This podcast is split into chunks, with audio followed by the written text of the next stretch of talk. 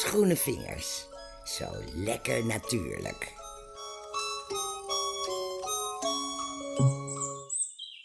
Ik ben eigenlijk al een beetje te laat, maar ik ga hem toch denk ik snoeien.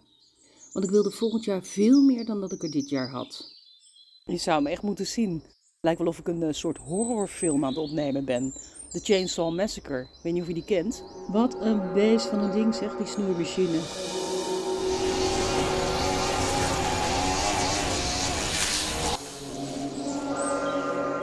Ik heb dus echt een joekel van een zwarte bessenstruik in mijn tuin staan. Het is een echte krachtpatser.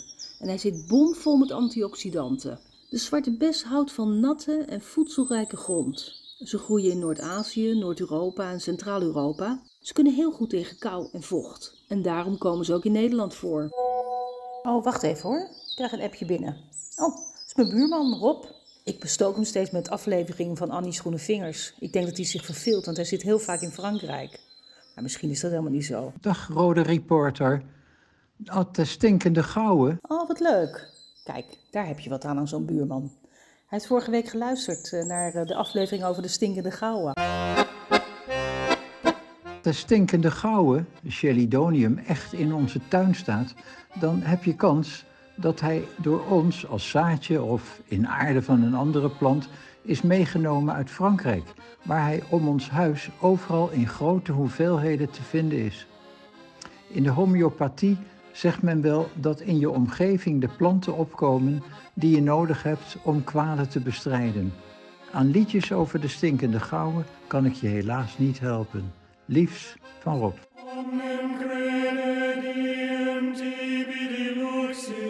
Monniken waren al vroeg op de hoogte van de bijzondere kenmerk van de zwarte bes. De zwarte bes, ook wel Ribes nigrum, werd al in de 11e eeuw in Russische kloostertuinen verbouwd. De teelt kwam vermoedelijk pas in de 17e eeuw echt op gang.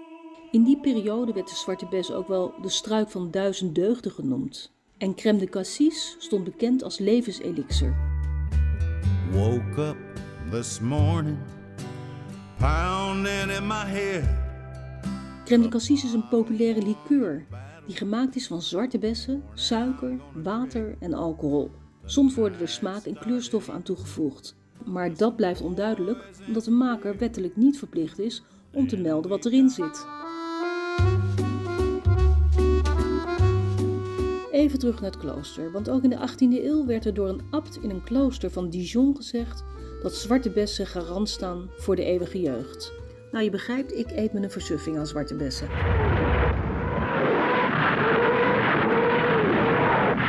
Tijdens de Tweede Wereldoorlog was de bes heel populair in Engeland. In die periode was er immers nauwelijks nog sinaasappel en ander fruit met vitamine C te krijgen. De Britse overheid begon met het stimuleren van de teelt van de zwarte bes. In 1942 werd gratis zwarte bessensap aan kinderen onder de twee jaar uitgedeeld. De zwarte bes is een winterharde struik. Het is geschikt voor een zonnige standplaats, maar in de halfschaduw doet ze het ook wel goed hoor. De smaak is het beste wanneer de bessen goed in de zon hebben kunnen rijpen. De zwarte bes bloeit in april met kleine bloempjes, maar er zit ook gelijk een klein risico aan vast. Want de bloemen kunnen door nachtvorst worden beschadigd en dat kan de oogst beïnvloeden. Ik wil het even met je hebben over de smaak, want uh, dat is wel even wennen. En ik snap heel goed dat niet iedereen er dol op is. Want ze hebben een bijzondere, maar een beetje wrange smaak. Maar als je ze verwerkt, dan zijn ze super lekker. In bessensap, zwarte bessengelei, in jam en ook in zwarte bessenlikeur. Ze zijn dus rauw wel eetbaar, maar na het koken en bereiden, dan komt pas dat heerlijke aroma goed vrij. En dan smaken ze heel bijzonder. Hier aan de kust, de Zeeuwse kust. Waar de Het zwarte goud. In sommige streken bedoelen ze er steenkool mee en ergens anders olie. En in Zeeland denk je al heel snel aan mosselen.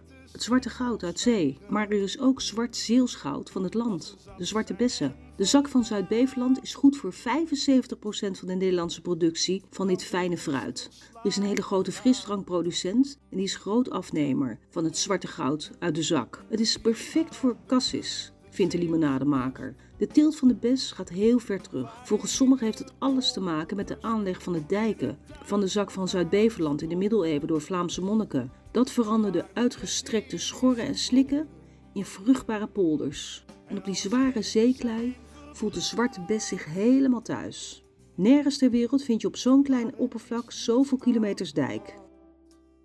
De bessenstruiken verplaatsen zich na verloop van tijd van dijkhellingen naar vlakke polders. En ergens in de laatste kwart van de 20e eeuw werd het mogelijk om ze machinaal te oogsten. Een stel slimme Beverlandse boeren stak de koppen bij elkaar en investeerde in enorme plukmachines. Het was wel even zoek hoor, maar ik heb er eentje gevonden. Een liedje over de zwarte bes. Tenminste, het gaat over Cassis. Van de band zonder banaan. Altijd goed gekleed en drinkt alleen maar dure kassis.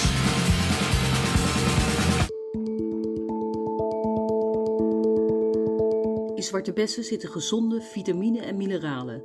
De bes bevat vitamine B1, B2, B5, B6, C en E.